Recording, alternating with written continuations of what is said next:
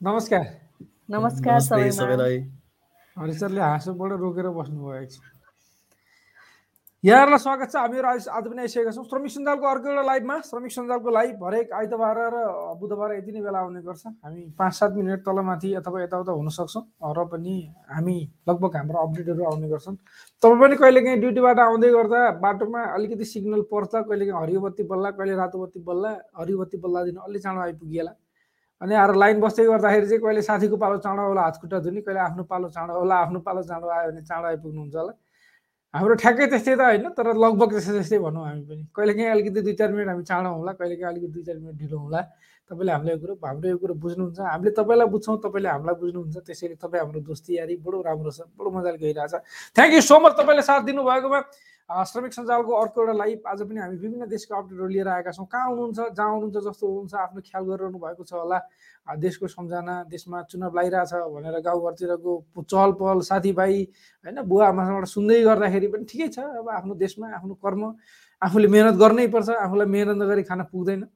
गाउँमा चुनाव लगाएर मिटिङ गरेर आएछन् अरे अनि त्यतै खाना खान आए खाएर आएर भनेर सुनेर हामीलाई केही फरक पर्नेवाला छैन तर हाम्रो फरक चाहिँ कसरी पर्छ भने अब के हुँदैछ? योभन्दा अगाडि के हुन्छ होला? मेरो स्यालेरी बढ्ला कि नबढ्ला अब रमजान सकिन लाग्यो अब ड्युटी टाइमिङ फेरि छ घन्टा गर्नु पर्छ आठ घन्टा पर गर्नुपर्छ भन्नेतिर चाहिँ हाम्रो धेरै ध्यान जान्छ। हामीलाई त्यतातिर मतलब छ। र त्यो हुनु पनि राम्रो पनि हो। हामी जान्छौँ हामी त्यसैमा फोकस डेफिनेटली हुनै पऱ्यो र आज पनि हामी स्वागत गर्छौँ यहाँलाई। कहाँबाट हुनुहुन्छ कमेन्टमा लेख्दै गर्नु होला र तपाईँलाई लागेका कमेन्टहरू कुराहरू पनि लेख्न सक्नुहुन्छ। सधैँ जस्तै आज पनि हामी एकजना साथीको ल मेरो क्यामेरा बिग्रो आज पनि हामी एकजना साथीको स्टोरी पनि सुनाउनेछौँ तपाईँहरूलाई। त्यो स्टोरी चाहिँ विदेशमा लामो समय काम गरेर फेरि नेपाल फर्किनु भएको एकजना साथी जसले चाहिँ फेरि नेपालमा आएर रङको डिलर गर्नुभएको छ अथवा आफ्नो बिजनेस गर्नुभएको छ त्यो पनि आज हामीले तपाईँलाई देखाउनेछौँ त्यो स्टोरी पनि। तर सुरुमा चाहिँ हामी हरिसरतिरै लाग्छौँ होला हरिसरका अपडेटहरू सुन्छौँ त्यसपछि हामी फेरि फर्केर आउनेछौँ।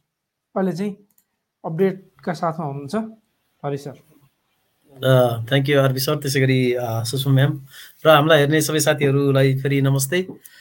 विशेष गरी ऐ सरले भनिहाल्नु हाँसो खप्नै सकिएन सुरुमा होइन?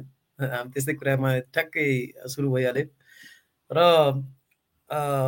अहिले अब जस्तो कुवेतको केही अपडेटहरू छन् विशेष गरी यो जजेरा एयरलाइन्सले नेपालको भैरवाको लागि साताको तिन दिन उडान गर्ने भएको छ। एकदम खुसीको कुरा यो चाहिँ। यो चाहिँ मेको पन्ध्र तारिकबाट फ्लाइट को टिकट पनि ओपन भइसकेको रहेछ। मैले यसो टिकट पनि हेरेको थिएँ। होइन टिकट पनि ठ्याक्कै काठमाडौँकै करिब करिब रेटमा रहेछ। यो चाहिँ हाम्रो नेपालीहरू विशेष गरी त्यो एरियाको मान्छेहरूलाई चाहिँ अलिकति सजिलो पनि हुन्छ एकदम राम्रो पनि भयो। किनकि अब धेरै वर्षपछि दोस्रो अन्तर्राष्ट्रिय जुन विमानस्थल नेपालले पाएको छ होइन?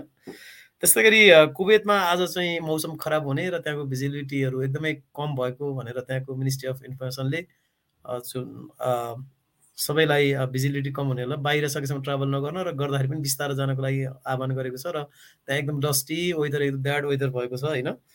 त्यस्तै गरी आजै मात्रै यो मुबारकिया बजारमा त्यहाँ एउटा यो फायर सेफ्टी र प्रिभेन्सनको बारेमा यो आगोबाट कसरी बच्ने र आगोको सुरक्षा कसरी गर्ने भन्ने बारेमा चेक जाँच भएको थियो। किनभने त्यहाँ यो मुबारकिया बजार भनेर चाहिँ कुवेतको सबभन्दा पुरानो बजार हो। र यहाँ ठुलो आगलागी भएर धेरै धनमालको नष्ट भएको थियो केही समय अगाडि दुई हप्ता जति अगाडि दुई तिन हप्ता जति अगाडि। अनि त्यहाँ चेक गर्दाखेरि बैसठीवटा स्टोरहरूलाई चाहिँ नियम उल्लङ्घन गरेको पाएको र बाइसवटालाई चाहिँ चेतावनी दिएको कुराहरू आएका छन्। यहाँ मैले किन भन्न चाहेँ भने फायर सेफ्टी अथवा सेफ्टी सेक्युरिटीलाई सबभन्दा बढी इम्पोर्टेन्स अथवा महत्त्वपूर्ण महत्त्व दिइन्छ त्यहाँ होइन। त्यसले यसलाई अलिकति सबैले सचेत हुनुपर्छ। त्यस्तै गरी घरेलु कामदारहरूलाई भर्ना शुल्क आठ सय नब्बे केडी करिब तिन लाख पचास हजार भन्दा बढी नलिन यो घरेलु कामदारको अफिसले निर्देशन दिएको छ। अहिले यो रमदान चलिरहेको हुनाले कुवेतमा घरेलु कामदारहरूको अभाव भएको कारणले घरेलु कामदारहरूलाई चाहिँ ओभरचार्ज त्यो दिए बापत ओभरचार्ज गरेको भन्ने कुराहरू गुनासो आएपछि पन्ध्र सय दुई हजार केडीसम्म तिरेको भन्ने कुराहरू आएपछि त्यसलाई चाहिँ आठ सय नब्बे केडीमा चाहिँ सीमित गर्न भनेर त्यहाँको निर्देशन आएको छ। त्यस्तै गरी अहिले म्यामले भनि हामी कुरा गर्दैथ्यौँ ईदको छुट्टीको कुराहरू होइन? कुवेतमा चाहिँ ईदको छुट्टी अलिक लामो छ। जस्तो मे एकदेखि मे आठसम्म चाहिँ सबै कुराहरू बन्द हुन्छन् भनेर भनिएको छ भने बैङ्कहरू चाहिँ एक दिन मेको पाँच तारिक बिहिबार खुल्नेछन् भनेर त्यहाँ जानकारी आएको छ। किनभने अब स्यालेरी टाइम हो बैङ्क एक दिनको लागि खोल्ने भनेको छ होइन? अनि अर्को चाहिँ जस्तो कुवेतमा हरेक वर्ष जस्तै रमदानमा चाहिँ अलिकति चेक जाँच क्रमहरू बढ्छ। र यसपालि पनि पहिलो दुई हप्तामा चाहिँ अप्रिल दुईदेखि सोह्र तारिकसम्म चाहिँ पाँच हजार नौ सय उना उनासाठी सवारी साधनहरू चाहिँ दुर्घटनामा पऱ्यो। अथवा त्यस्तो दुर्घटनाहरू भएको छ जस्तो केही इलिगल एक्टिभिटिजहरू पनि भइरहेका होइन? अनि त्यहाँबाट अलिकति मान्छेहरू रसमा रहेका हुनाले अलिकति एक्सिडेन्ट पनि बढी हुनाले हुने हुनाले यसलाई चाहिँ अलिकति हाइली हेरिएको छ। अथवा रमजानको पहिलो दुई हप्तामा चाहिँ दुई हजार एक सयभन्दा बढी त भिसा नियमूलन गर्नेहरूलाई मात्रै समातिएको छ। त्यसमा केही चाहिँ माग्ने मान्छेहरू पनि भएका छन् भनेर भनिएको छ र यो सवारी साधनको दुर्घटनाको रेसियो चाहिँ एकदमै बढेको भनेर त्यहाँ चाहिँ चिन्ता पनि व्यक्त गरिएको छ र सबैलाई सकेसम्म यो इफ्तारको टाइममा चाहिँ धेरै ट्राभल नगर्न पनि भनिएको छ है। त्यस्तै छ अब साउदी अरबको जानकारी छ केही कुराहरू। जस्तो साउदी अरबमा चाहिँ हिजोबाट यो नेपाल एयरलाइन्सले फ्लाइट सुरु गरेको छ यो चाहिँ रियादको लागि। यसरी सुरु गरेको उडान चाहिँ हरेक शुक्रबार र आइतबार सरी अस्तिबाट है। शुक्रबार र आइतबार दुईवटा फ्लाइट हुन्छ। अनि त्यो चाहिँ फर्किने चाहिँ सोमबार र शनिबार र सोमबार फर्किन्छ। यो चाहिँ रियादको लागि हो। रियाद हुने साथीहरूलाई चाहिँ नेपाल एयरलाइन्सले अब यो सुविधा दिएको छ। एकदम राम्रो कुरा हो।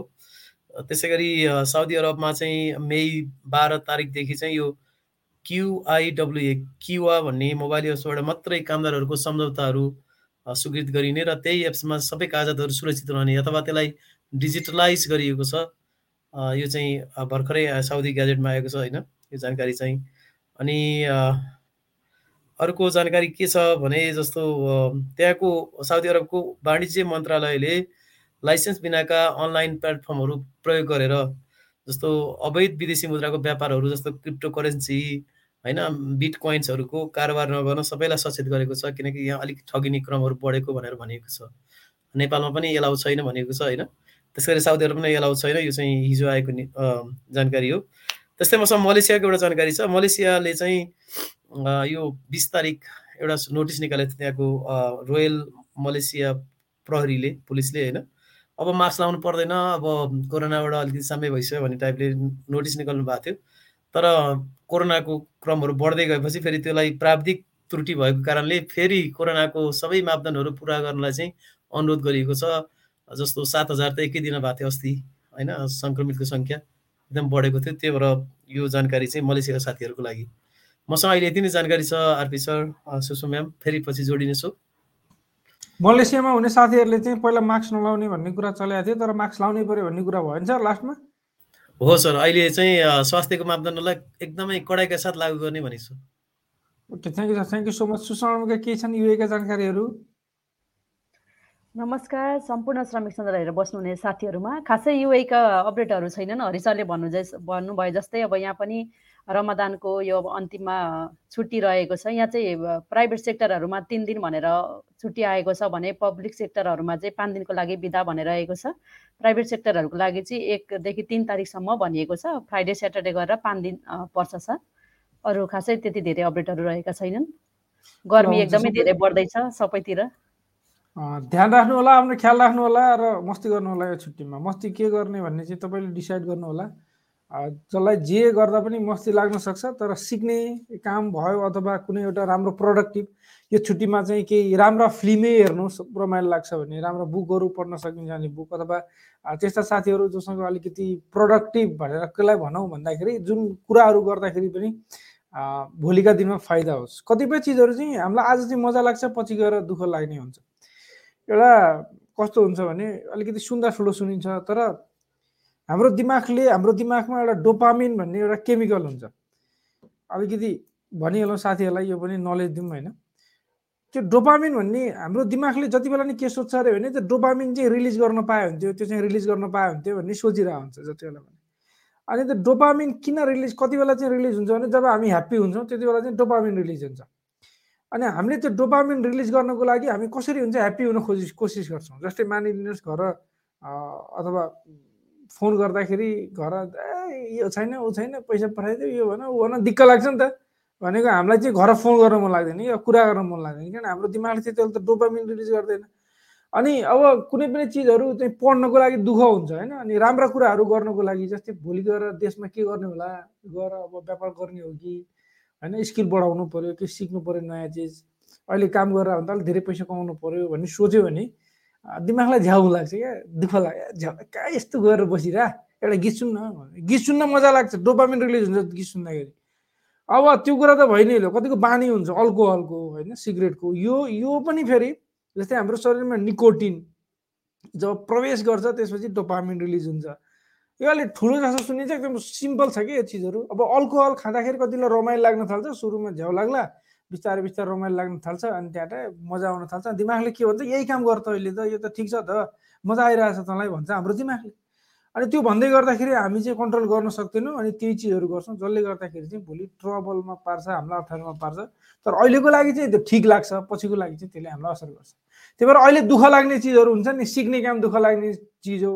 नयाँ नयाँ स्किलहरू सिक्ने काम चाहिँ डेफिनेटली दुःख लाग्ने चिज हो नयाँ कुरा पढ्नु दुःख लाग्ने चिज हो नयाँ भिडियोहरू हेर्नु दुःख लाग्ने चिज हो। यस्ता चिजहरूलाई चाहिँ दुःख लाग्छ तर फ्युचरमा गएर हामीलाई राम्रो गर्छ। यो छुट्टीमा चाहिँ त्यही गरौँ। र अर्को ट्राभल अर्को एउटा रमाइलो पनि र सिक्ने कुरा पनि यो पनि हो है। फेरि ट्राभल घुम्न सकिन्छ भने म चाहिँ त्यो मान्छु। भनिन्छ नि एउटा कहाँ पढाएको थिएँ मैले संसार नगएको मान्छेले किताबको एउटा मात्रै पाना पढाएको हुन्छ अरे कि। यसको मतलब संसारै घुम्नुपर्छ भन्ने छैन। संसार घुम्न सक्ने सबैको हाम्रो त्यो हुन पनि हुँदैन पक्कै पनि होइन। तर जति सकिन्छ जहाँ सकिन्छ नयाँ नयाँ ठाउँहरूमा जाने नयाँ नयाँ मान्छेहरूलाई भेट्ने नयाँ नयाँ कल्चरमा आफूलाई भिजाउने त्यो गर्दाखेरि हामी झन् धेरै हम्बल झन् धेरै इमान्दार भन्छ नि त्यो एउटा के भन्छ त्यसलाई झन् धेरै ओजिलो हुन्छौँ कि? सबै मान्छेले सोच्ने त एउटै रहेछ नि। मानौँ तपाईँ जो साथीहरूले विदेशमा छौँ हामीले हेरिरहेछौँ जसले भिडियो हेरिरहनु भएको छ तपाईँ यसो आफूलाई टक्क एकछिन राख्नुहोस्। सोच्नुहोस् तपाईँले नेपालमा हुँदाखेरिको तपाईँको थिङ्किङ र अहिलेको थिङ्किङ एउटै छ। अझ स्पेसली चार पाँच वर्ष जसले विदेशी साथीहरूसँग विदेशी आफ्ना कलिगहरूसँग काम गरेर बिताउनु भयो तपाईँले त्यही सोच्नुहुन्छ। नेपालमा हुँदाखेरि तपाईँले सोच्नुहुन्थ्यो। सोच्नुहुन्न नि। किनभने तपाईँको थिङ्किङ प्रोसेसै चेन्ज भइरहेको छ। किन भइरहेछ भन्दा कामले मात्रै भए होइन त्यो तपाईँको सङ्गतले पनि भए हो। तपाईँले धेरै अरू मान्छेहरूसँग सङ्गत गर्नु अरू नेसनालिटीको अरू धर्मको अरू टाइपको मान्छेहरूसँग सङ्गत गर्दाखेरि धेरै कुराहरू सिकिन्छ। त्यसैले घुम्ने नयाँ नयाँ मान्छेहरू सङ्गत गर्ने त्यो पनि राम्रो राम्रो मान्छेहरू फेरि त्यो गर्ने गर्नु होला। यो छुट्टीमा चाहिँ तपाईँलाई ईदको शुभकामना त्यही भयो छुट्टी रमाइलोसँग मनाउनु होला। छुट्टी सुरु भइसकेको छैन। कहिलेदेखि सुरु हुँदैछ सर। छुट्टी युएमा चाहिँ मे यो अप्रिलको तिस तारिकबाट कुवेतमा चाहिँ मे एकबाट भनेपछि भोलि ए मैले भोलि त होइन साँच्चै एप्रिल आउनु त बाँकी नै छ त तिस तारिक आउन त। अब कुरो के रह्यो भने अजमानमा हुनुहुन्छ भने युएमा सानो जानकारी दिउँ। अजमानमा चाहिँ बडो अहिले डेन्जर सिचुएसन त नभनौँ यसरी भन्न मिल्दैन अलि। होइन डेन्जर सिचुएसन भन्दा अलिक नराम्रो सुनिन्छ। तर तपाईँले गाडी चलाउनुहुन्छ ड्राइभिङ गर्नुहुन्छ भने युएमा स्पेसल्ली अजमानमा साठीको स्पिडभन्दा बढीमा नकुदाउनु होला जहाँनिर साठीको बोर्ड राखिएको हुन्छ। त्यहाँनिर।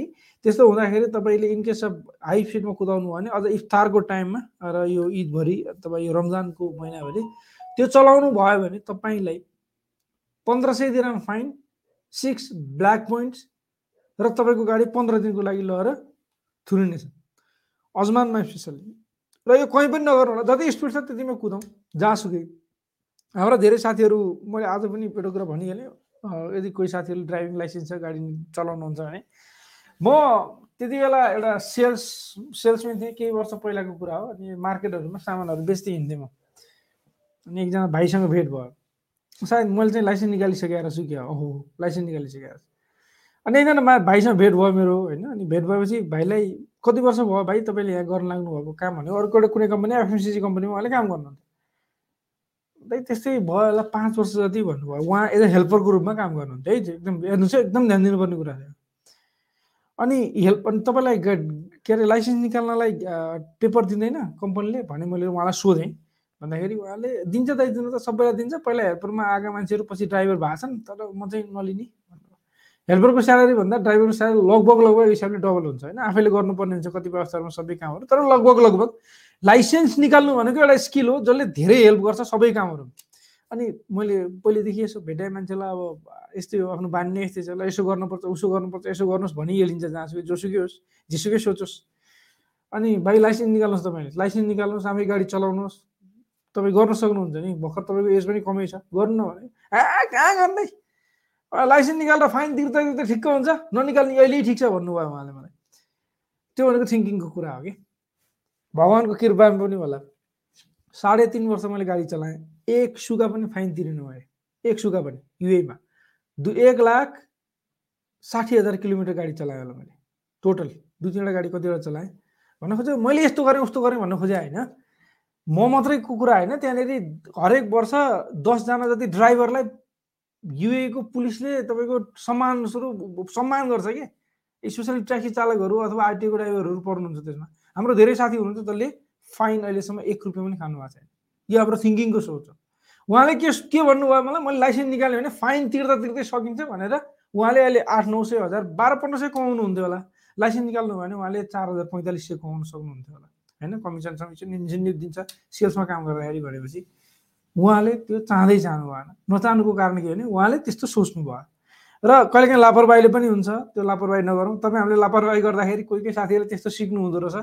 खैर यो कुरासँगै आयो। अब चाहिँ गफ मेरा सकिए कमेन्टहरू एक दुईवटा लिउँ। त्यसपछि हामी अगाडि बढ्नेछौँ। आज हाम्रो एउटा स्टोरी अपडेट सुन्नेछौँ। प्रमोद मेहताजीले सबैमा नमस्कार। मलेसियाबाट हो। यो कार्यक्रममा मलेसियाबाट अपडेट लिनुहुन्न भन्नुभएको छ। मलेसियाको लागि दुई चार दिन बहाउनुहोस् अब। केही दिन तपाईँले दिनुहुन्छ भने दिनुहोस्। केही समयपछि लगभग एक डेढ महिनाभित्र मलेसियाबाट एक एक्साइटिङ न्युज पाउनुहुन्छ तपाईँले। हामी आशा गरौँ मलेसियाका केही न्युजहरू अथवा मलेसियाको लागि हामीले सुतिरहेको छौँ अहिले त। अँधेरो भयो नि त। मलेसियामा त सुतिसक्नु भयो। सबै साथीहरू घुरिराख्नु भयो होला। कोही साथीको राति ड्युटी होला कसैको होइन सेक्युरिटीमा काम गर्नुहुन्छ अथवा उहाँहरूको मात्रै होला अहिले। अरू साथी त सुतिराख्नु भएको छ। त्यही भएर सायद हामीलाई त्यो टाइमिङ नमिलेको कि जस्तो पनि लाग्छ। हामी मलेसियाको अपडेट चाहिँ अरू कुनै दिन दिने कोसिस गर्दैछौँ। केही समय पर्खनु होला। र तपाईँहरू जो साथीहरू मलेसियाबाट हुनुहुन्छ जहाँसुकैबाट हुनुहुन्छ हाम्रो सञ्जाल छ श्रमिक सञ्जाल। यो एउटा नेटवर्क हो। यो एउटा क्लब जस्तो हो। तपाईँ जे छान्नुहोस् यहाँनिर हामी एकअर्कालाई कुराहरू सिकाउँछौँ बाँडचुँडी गर्छौँ। तपाईँ पनि चाहनुहुन्छ हाम्रो कार्यक्रममा जोडिनको लागि अथवा हाम्रो कार्यक्रममा नभनौँ हाम्रो ग्रुपमा जोडिनको लागि भने हामीले एउटा फर्म पनि राखिदिएका छौँ।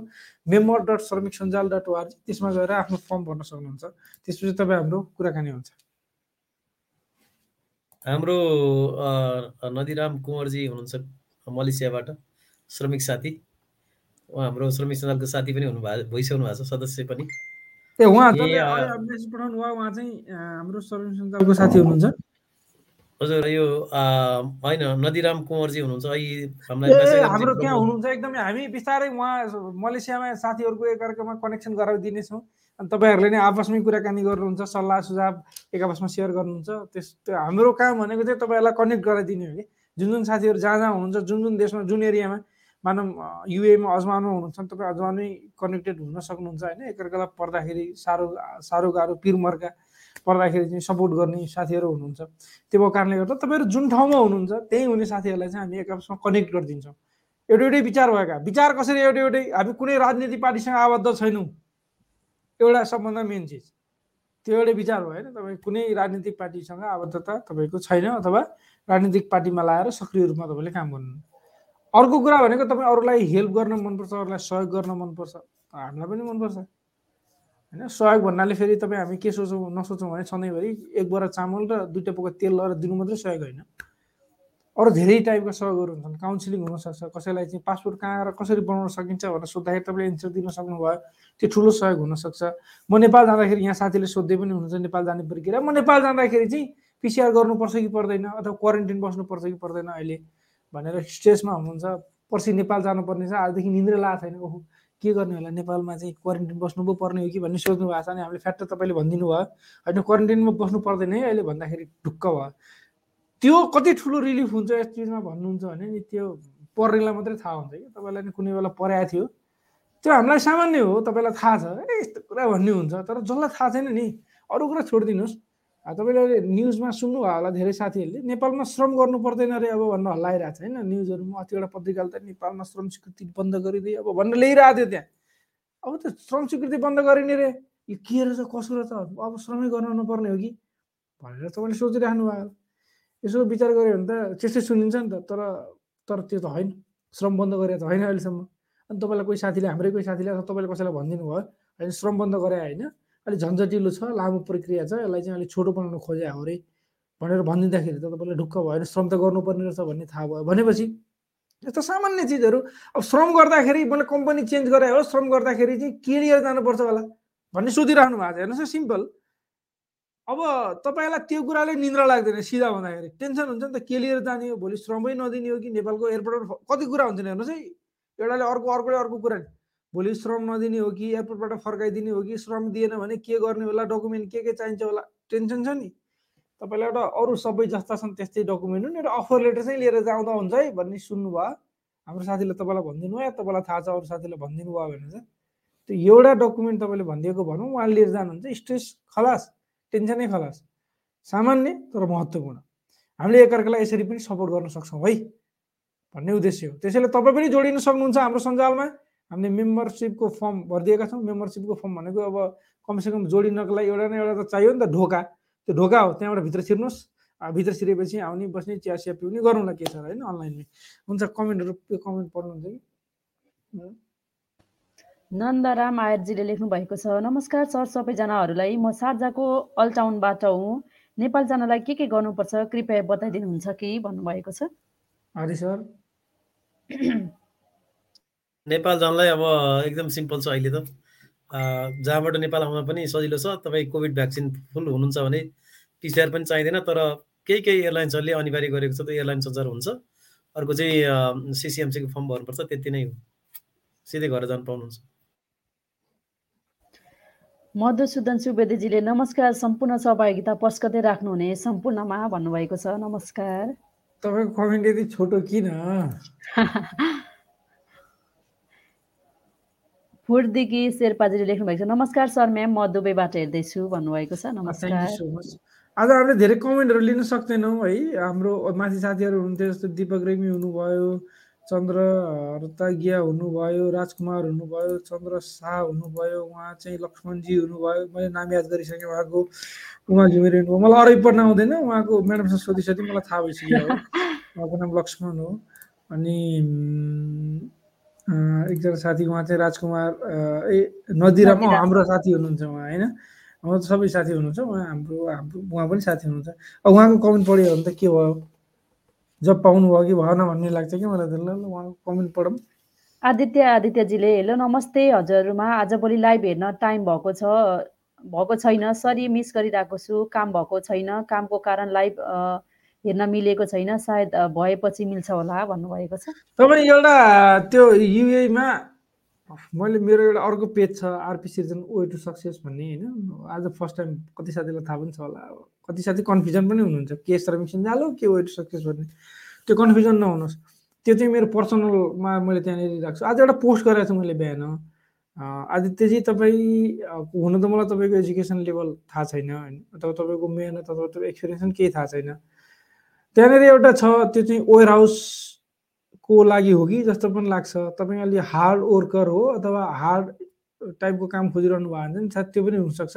एउटा युनिकाई भन्ने कम्पनीको जब अफर थियो त्यहाँ मैले हालेको छु तपाईँले सिबी त्यहाँ पठाउनु पनि सक्नुहुन्छ। अन्त चाहिँ अनलाइनमा पनि ट्राई गर्नुहोस् एक दुईवटा। लामो समय भयो अहिलेसम्म चाहिँ तपाईँ हुन त इन्टरभ्यूहरू दिएर पनि राख्नु भएको छ होला। म त साँच्चै एकदम टु बी अनेस्ट भन्दाखेरि चाहिँ एकदम कसम भन्छ नि कसम म तपाईँले यहाँ मैले रोजगारी पाएँ इन्टरभ्यू दिएँ जब सुरु गरेँ भन्ने त्यो एउटा सुन्नलाई चाहिँ एकदमै एकदमै आतुर छु म। एक्चुअली तपाईँ अरू के गर्न सकिएला भने तपाईँको सिबी एकचोटि हामीलाई इनबक्स गरिदिनु होला। सबै साथीलाई होइन उहाँलाई चाहिँ त्यो मन लाग्यो त्यस्तो भन्नु मन लाग्यो कतै केही तपाईँलाई सजेस्ट पो गर्न सकिन्छ कि? होइन हामी जब मिलाउने काम चाहिँ गर्दैनौँ है फेरि। तर हाम्रा केही साथीहरू हुनुहुन्छ हाम्रो टिममा। अब हाम्रो एउटा फोरम पनि छ अर्कै एउटा त्यहाँ अहिले चाहिँ अहिले चाहिँ सुरु गरिसकेका छैनौँ हामीले। त्यहाँनिर जब दिने अथवा जब कसैको कम्पनीमा जब हुन्छ नि? अलग अलग कन्ट्रीमा अनि त्यहाँबाट त्यहाँनिर जब खोज्ने मान्छेहरूको भेटघाट पनि हुन्छ क्या पछिल्ला दिनहरूमा। त्यो चाहिँ हामीले कोसिस गरिरहेको छौँ हुन्छ पक्कै पनि। एकचोटि उ गर्नु होला है। दिपक रेग्मीजीले हामी त अझै धेरै बिजी हुने समय हो। आरपी सर के मस्ती गर्नु खै काममा नै बाह्र चौध घन्टा जान्छ भन्नुभएको भनेपछि कि चाहिँ सुपर मार्केट होइन? कि चाहिँ रेस्टुरेन्ट होइन? होरेका अथवा एफएमसिजी फिल्डमा काम गर्नुहुन्छ। तपाईँहरूले सेवा दिनुभएको छ। तपाईँहरूकै जसरी कोरोनाको टाइममा अथवा जहिलेसुकै डक्टर नर्सहरूले सेवा गरे भन्छौँ नि त्यसै गरी तपाईँहरूको पनि त्यो टाइपको एउटा एउटा लेभलको सेवा हो डेफिनेटली भने। नदीराम कौ अ, कौँवरजीले लेख्नु भएको छ श्रमिक सञ्जाल विदेशमा काम गर्ने नेपाली श्रमिकहरूको संस्था हो। हामी मध्यपूर्वका छवटा देश र मलेसियामा रहनुभएका साथीहरूसँग मिलेर साथमा साथ काँधमा काँध मिलाएर काम गर्छौँ। यदि तपाईँ पनि हाम्रो संस्थामा जोडिएर एक आपसमा हातेमालो गर्दै अगाडि बढ्न चाहनुहुन्छ भने सम्पर्क गर्नुहोला। धन्यवाद भन्नुभएको छ। थ्याङ्क यू सो मच उहाँ मलेसियामा हुनुहुन्छ है? हजुर। उहाँ उहाँ उहाँ मलेसियामा तपाईँको भोलि हुनुहुन्छ भोलि कति बेला तपाईँको तपाईँसँग चाहिँ पर्सनल कुरा गर्ने रहर रह्यो। भोलि कति बेला समय हुन्छ त्यसो मेसेज पठाउनु होला हामी कुराकानी गरौँला एकछिन र अरू साथीहरूलाई तपाईँको तपाईँलाई चाहिँ अरू साथीहरूले कन्ट्याक्ट गर्न चाहनुभयो भने के गर्न सकिन्छ? हामी सल्लाह गरेर फेरि अगाडि बढ्न सक्छौँ। टेक राजगिरीजीले नमस्कार हजुर सरहरू र म्यामलाई। आजभोलि हजुरहरूले धेरै राम्रो कुरा र जानकारीहरू दिनुभएको छ। यसै गरी निरन्तरता दिनुहोला। धन्यवाद। म हाल बहरानबाट भन्नुभएको छ। Thank you so much Tekraj ji हस् धन्यवाद छ हजुरलाई पनि। गङ्गा पौडेलले लेख्नुभएको सर म्याडम म मा मेरो नमस्कार म साउदीबाट हेर्दैछु भन्नुभएको छ। थ्याङ्क यू शङ्कर प्रसाद बस्यालजीले सबैजनालाई श्रमिक सञ्जालमा मैले पनि फर्म भरेको थिएँ। आज टिमबाट फोन आएको थियो। साह्रै खुसी लाग्यो। धेरै धेरै धन्यवाद भन्नुभएको छ। Thank you so much Shankar ji. LP नेपालजीले मैले कुनै पार्टीको सदस्यता लिएको छैन तर कुनै पार्टीको राजनीतिक आस आस्थामा छु। अब म श्रमिक सञ्जालको लागि योग्य या अयोग्य भन्नुभएको छ? अब यस्तो त आस्था त सबैको हुनसक्छ होइन? सबैको आस्था हुनसक्छ आफ्नो आस्था। त्यो व्यक्तिगत नैसर्गिक अधिकार पनि हो क्या आफ्नो अब यसमा तपाईँ पर्सनल इन्ट्रेस्ट हुनु भएन कि? मानव तपाईँ आउनुभयो भोलि अहिले तपाईँ श्रमिक सञ्जालमा गर्दै जाँदाखेरि तपाईँले एउटा लिड गर्नुभयो तपाईँको तपाईँले केही साथीहरू तपाईँलाई फलो गर्नुभयो तपाईँले अगाडि लिएर जानुभयो श्रमिक सञ्जालको कुनै एउटा टिमलाई होइन? तपाईँको एरियामा जहाँ छ त्यहाँ। भनेदेखि तपाईँले भोलि चाहिँ सट्ट एउटा राजनीतिकरण गर्नु भएन क्या त्यसलाई। त्यो भनेको के भने त्यो हाम्रो कोर भ्यालु हो। कतिपय देख्नुहुन्छ देख्छौँ होला हामी पनि। कतिपय ठाउँहरूमा संस्थाहरू बन्छन् बिस्तारै फेरि फुट्छन्। कि त कुनै राजनीतिक संस्थासँग राजनीतिक चिजसँग आबद्धता जनाउँछन् जसले गर्दा उनीहरूले राजनीति त्यो मेन पार्टी अथवा जो जसले जे भन्छ त्यसको पछि पछि भाग्नुपर्ने हुन्छ। हाम्रो मेन मुद्दा के छ त्यसलाई छोडेर। हाम्रो आफ्नै छ नि त हाम्रो आफ्नै पीडा छ आफ्नै दुःख छ। हाम्रो उद्देश्य त के हो? हाम्रो ठुलो उद्देश्य नै छैन। हाम्रो साथीहरूले धेरै दुःख पाउनु भएन होइन? मेहनत अरूकै कुरा हो तर फोगडियाको दुःख पाउनु भएन। हामीले आफ्नो अधिकार सुरक्षित हुन पाउनु पऱ्यो हाम्रो अधिकारसँग हामीले हिँड्न डुल्न होइन? आफूले काम गर्न सम सिम्पल मानव अधिकारका चिजहरू भन्छ त्यसलाई काम गरेपछि ज्याला पाउनु पऱ्यो कसैले दोहोरो कन्ट्र्याक्ट बनाएर लगेर हामीलाई ठग्नु भएन त्यस्तो ठग्छ भने त्यसलाई कारवाही गर्नु पऱ्यो देखि लिएर हरेक चिजहरू। विदेश जाने बेलामा चर्को पैसा तिरेर विदेश जानु भएन हामी काम गर्न जाने हो नि। होइन हामीलाई कसैले बेच्या किने त होइन हामी त काम गर्न जाने। हामीसँग पैसा भने काम गर्न हामी थोरै जान्थ्यौँ। पैसा नभएर पो काम गर्न जानु लाग्यो। अनि हामीले पैसा कसरी तिर्ने? त्यही भएर हामी फ्रीमा जानु पाउनु पऱ्यो यी चिजहरू चाहिँ हाम्रा कुरा हो अब हाम्रा ठुला कुरा के छ भन्दा विदेशमा छौँ हामीले भोट हाल्न पाउनु पऱ्यो नत्र हामीलाई नेताले मान्छे गर्नेनन् हामी विदेशबाट फलानालाई भोट हाल्नु पऱ्यो फलानालाई भोट हाल्नु पऱ्यो भन्छौँ। वास्तै छैन तिनीहरूले भोट हाल्न पाउने होइनन् हामीले जसलाई भने त्यसले भोट हालिहाल्छ। हामीलाई के मतलब तिनीहरूको भन्छन् नेताले? अहिले देखियो नि त त्यो कुरा। अब अर्को हाम्रो उद्देश्य के हो त्यो भएर भोट हाल्न पाउनुपर्छ भन्ने आवाजको ठाउँ छ। यस्तै यस्तै चिजहरू हुन्। राजनीति आस्था राख्नु नपाउने होइन तर आस्थासँगै त्यसलाई चाहिँ इन्फ्लुएन्स हुन चाहिँ दिनु भएन भन्ने चाहिँ कुरा भित्र। अर्जुनजीले सर म्याडम दुबईमा भिपिएन चलाउँदा फाइन आछ अरे के हो सर म्याडम? भन्नुभएको छ। भिपिएनको एउटा अलग्गै रुल छ। भिपिएन भनेको के हो भने भर्चुअल प्राइभेट नेटवर्क भन्छ। मानिलिनुहोस् तपाईँले यहाँको कम्प्युटर चलाउँदै हुनुहुन्छ यो मोबाइल। यो मोबाइलमा तपाईँले भिपिएन जोड्नु भयो भने त्यो भिपिएनले तपाईँको सर्भर अरू कुनै देशमा लगेर चलाइदिन्छ। मतलब तपाईँले युएमा नखोल्ने साइटहरू अब खुल्न थाल्छन्। यदि त्यो सर्भरमा खुलेको हो भने यस जसको कारणले गर्दाखेरि चाहिँ मानव अ, कसले कहाँबाट चलाइरहेछ डिभाइस भन्ने थाहा हुँदैन।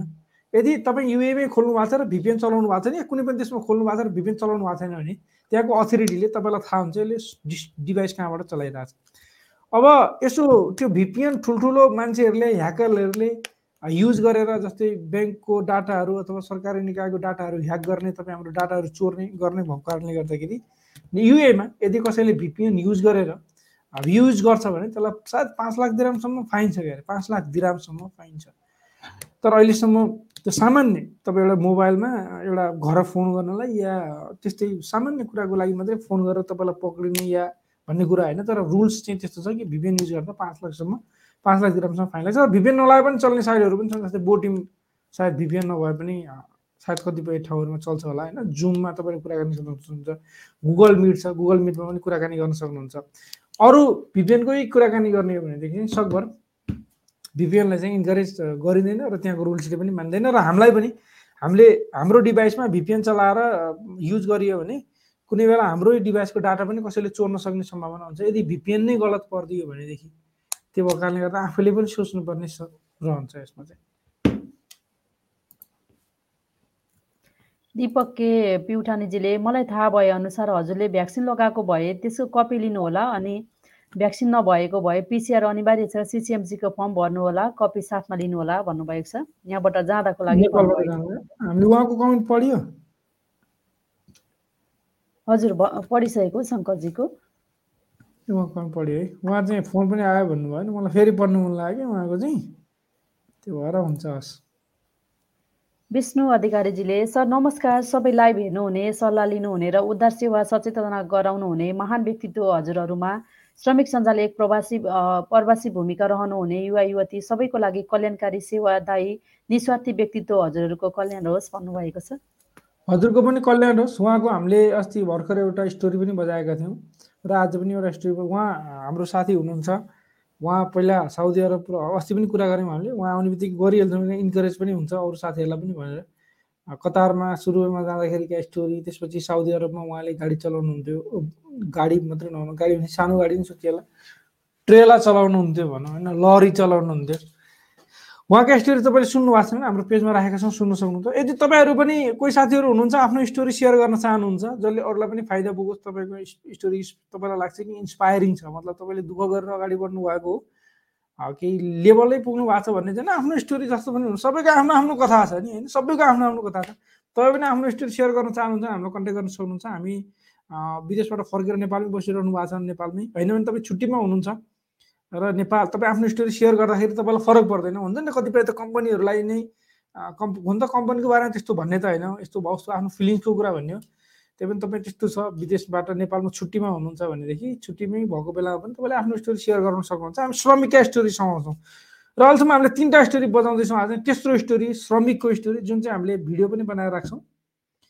त्यसपछि भिडियो बनाएर राख्दा साथै हामीले यो आज पनि त्यसलाई चाहिँ हामीले सुनाउँछौँ तपाईँलाई। एउटा प्रश्न थियो भन्नुभएको छ उहाँले। यो होला होइन प्रश्न। यो यो यतिवटा प्रश्न लिएर हामी आजको स्टोरी सुनाउँछौँ।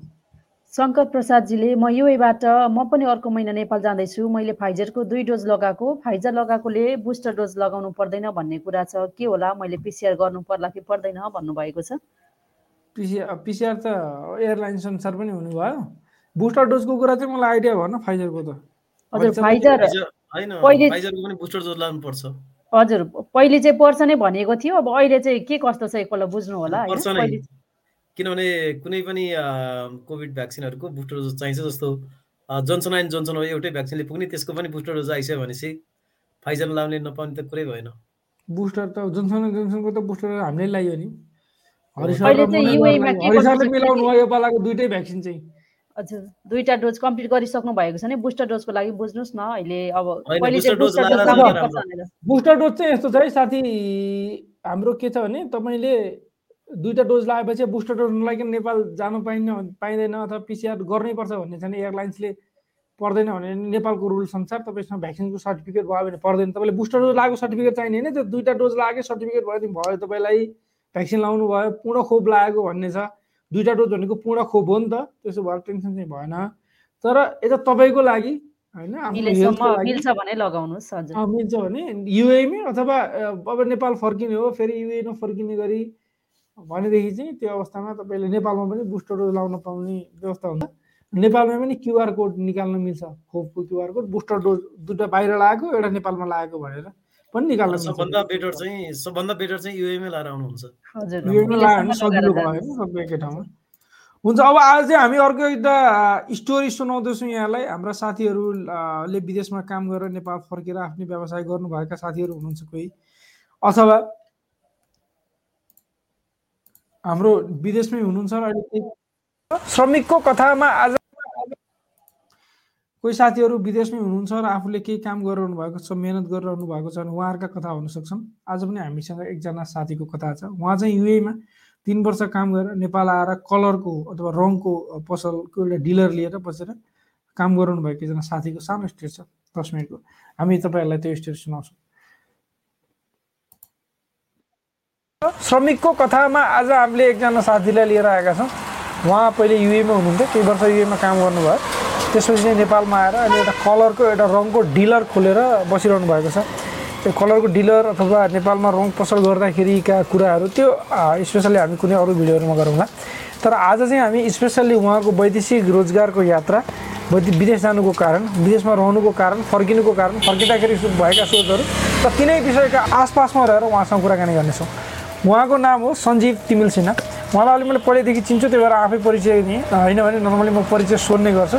सञ्जीवजी यहाँलाई स्वागत छ नमस्कार हजुर धन्यवाद पसल गरेर कति भयो पसल गरे तपाईँको अब तिन वर्ष पुग्न लाग्यो कस्तो छ अहिले बिजनेस बिजनेस ठिकै छ अहिले ठिकै छ अब यो मौसमले अलिकति च्यालेन्ज गर्ने हो कोभिडले गर्दाखेरि अलिकति समस्या थियो अब पानी सानी पऱ्यो भने रङ लाउँदैन मान्छेले त्यही हो कुरा कोभिडले गर्दाखेरि मान्छेसँग पैसाहरू थिएन अब रङ कामसाम भएन अँ, यो पसल गरेको वर्षदेखि नै कोभिडले गर्दाखेरि चाहिँ अलिकति समस्याहरू थियो रेगुलर पसलहरू खोल्न नपाउने यताउता कारणहरू थिए। बाँकी त लगभग ठिकै छ राम्रै छ। यहाँनिर रोड भएको कारणले गर्दा अलि हाम्रो भिडियोमा नोइज आउन सक्छ। हामी कोसिस गर्छौँ कम नोइजमा कुराकानी गर्नको लागि। अब हामी ठिकै छ यो व्यापारको कुरा। हामी वैदेशिक रोजगारको यात्राको कुराकानी गरौँ। पहिला विदेश कहिले गयो? म टु थाउजन्ड सिक्सटिनमा दुबई गएको थिएँ। त्योभन्दा पहिला नेपालमा के त्योभन्दा पहिला नेपालमा म पढिरहेको थिएँ ब्याचलर सकाएर यतिकै बसिरहेको थिएँ। खासै जबहरू चाहिँ गरेको थिएन। मेरो जबको फर्स्ट एक्सपिरियन्स नै दुबईबाट हो। एक्सपिरियन्सको जबको एक्सपिरियन्स लिनको लागि नै मैले चाहिँ विदेशै छाने भनौँ न। विदेश जाने सोच चाहिँ कसरी आयो? विदेश जाने सोच अब यतिकै बसिरहेको थिएँ। अब दिदी भिनाजुहरू दुबईमा हुनुहुन्थ्यो। अनि उहाँहरूले आइज नि त अब त्यहाँ के गरेर बस्छस्? यहाँ आइज एक्सपिरियन्स हुन्छ। राम्रै ठाउँ हुन्छ अब राम्रै पोस्टहरू हुन्छ भन्नुभयो अनि म त्यही हिसाबमा गएर एज अ सेल्सम्यानको रूपमा मर्चेन्डाइजर थिएँ सुरुमा। अनि त्यसपछि राम्रो गर्दै गयो। अब सेल्सम्यानहरू दिन थालेपछि अनि मलाई सेल्सम्यानमा प्रमोट गरेको थियो। सेल्सम्यान पनि गरेँ मर्चेन्डाइजर मर्चेन्डाइजर प्लस सेल्सम्यानको काम गरेर आएको हो मैले दुबईमा हाम्रो एउटा प्याटर्न छ।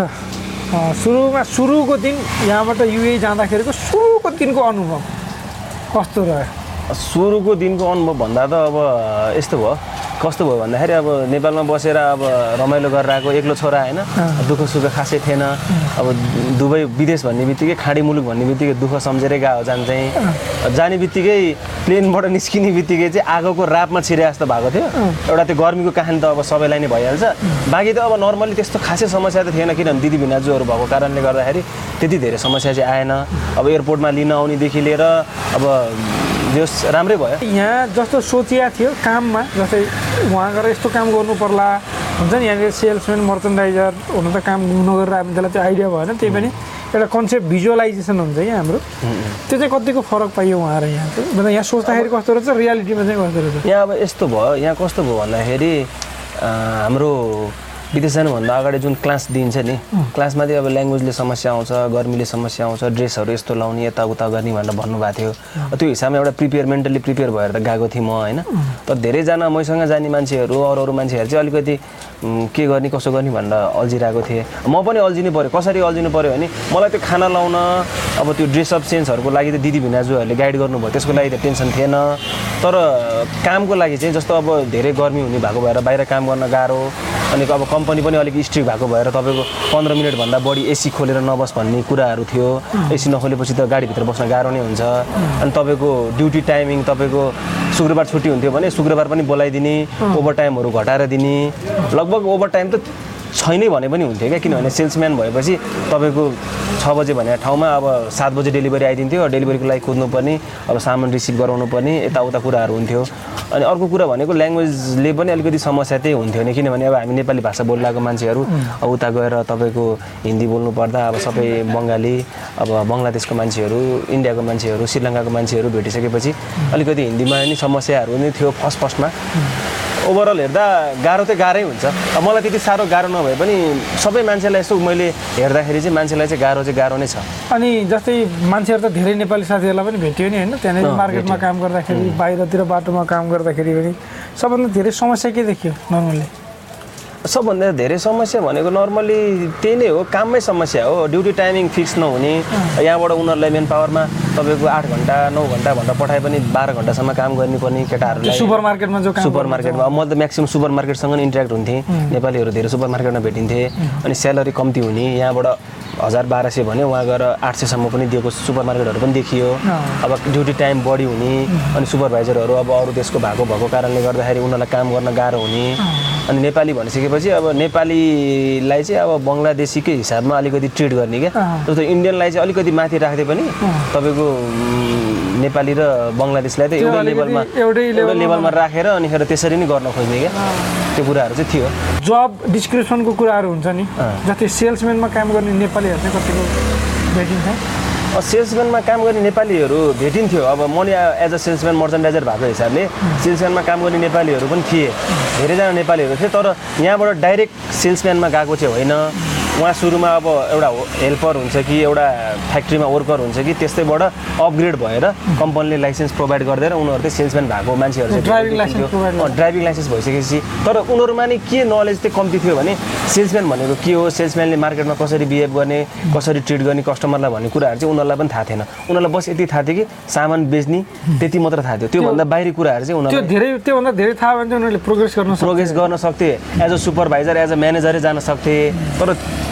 त्यो त्यसमै अड्किरह्यो क्या नेपालीहरू चाहिँ।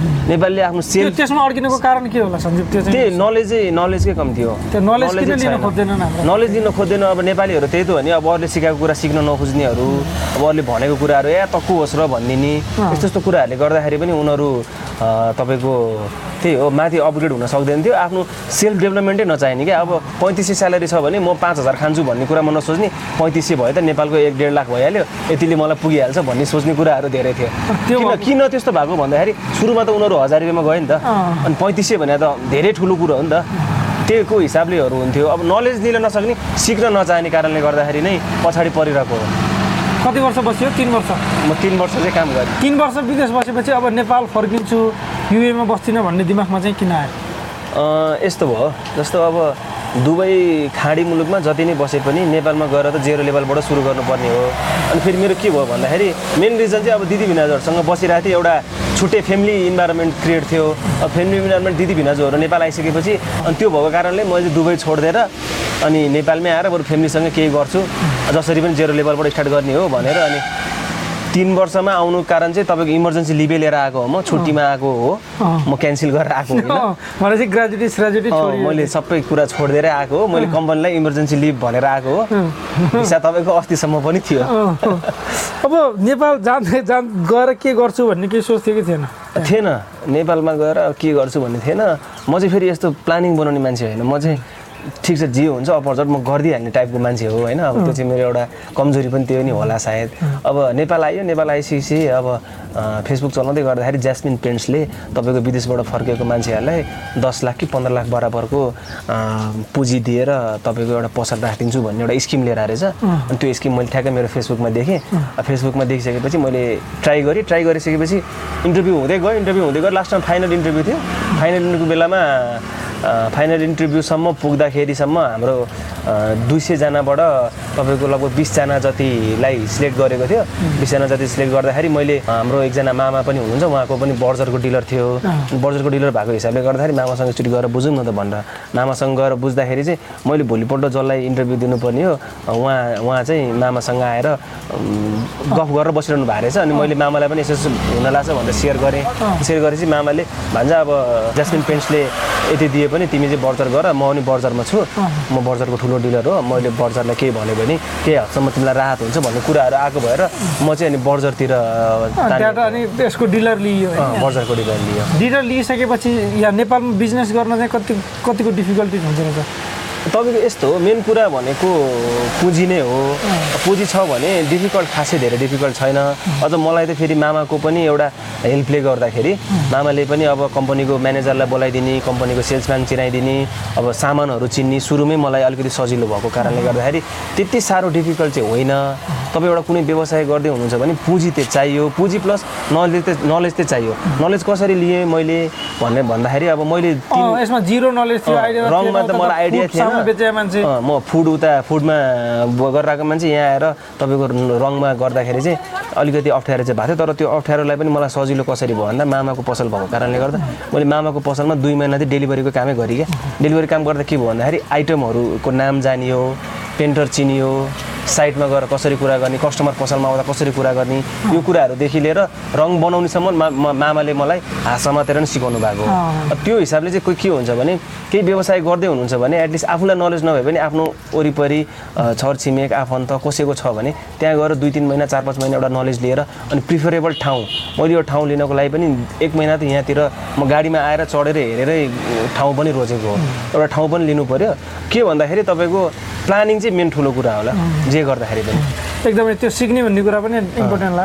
नेपालमा आउने बित्तिकै त्यो आइडिया हुँदैन नि त। आइडिया। अब लास्टमा एउटा क्वेसन छ हाम्रो सोध्ने गर्छ। तपाईँ नेपालमा नेपालबाट विदेश जाने सोच्नु भएका साथीहरू र अहिले विदेशमा बसिरहनु भएका साथीहरू दुइटा साथीहरूलाई भन्नु के सल्लाह सुझाव चाहिँ के रहन्छ? सल्लाह त अब त्यस्तो ठुलो सल्लाह त मैले के नै दिन सक्छु र म आफै खुद दुबईबाट तिन वर्षमै आएको मान्छे हो होइन? ठिक छ अब यस्तो खाडी मुलुकमा काम गरिरहनु भएको साथीहरूलाई चाहिँ म के भन्छु भने जसरी पनि नेपाली आएर जेरो लेभलबाट सुरु गर्नुपर्ने हो। उता नलेज लिनु एक्सपिरियन्स लिनु तपाईँ अलिअलि पुँजी पनि जम्मा भइहाल्छ काम गरेपछि पक्कै नै भइहाल्छ। घर बनाउँछु बारी किन्छु खेत किन्छु भन्ने सोच गर्नुभन्दा पनि उताको पैसा ल्याएर नेपालमा केही गर्छु भनेर आउनुभयो भने त्यो चाहिँ बेटर हुन्छ। एकदम सबभन्दा ठुलो आइडियै त्यही हो। सबभन्दा इम्पोर्टेन्ट चिज हो त्यो जुन पैसा नेपालमा बाहिर बस्यो घर बनायो पैसा फेरि अरू ऋण तिर्यो। होइन? अनि फेरि त्यो गर्दा गर्दै फेरि पैसा सकिन्छ अनि फेरि जाने जाने। अर्कै? देश जाने यता त्यही देश जाने। यसो गर्दा गर्दै नेपालमा एकदम एकदमै थ्याङ्क यू सो मच धेरै धेरै धन्यवाद छ। यो हाम्रो साथीहरूलाई चाहिँ यसले धेरै इन्सपिरेसन मिल्नेछ भन्ने हामी आशा गर्छौँ। आजको लागि यति नै गरौँ। जानु सेफ रहनु होला। नमस्कार। नमस्ते।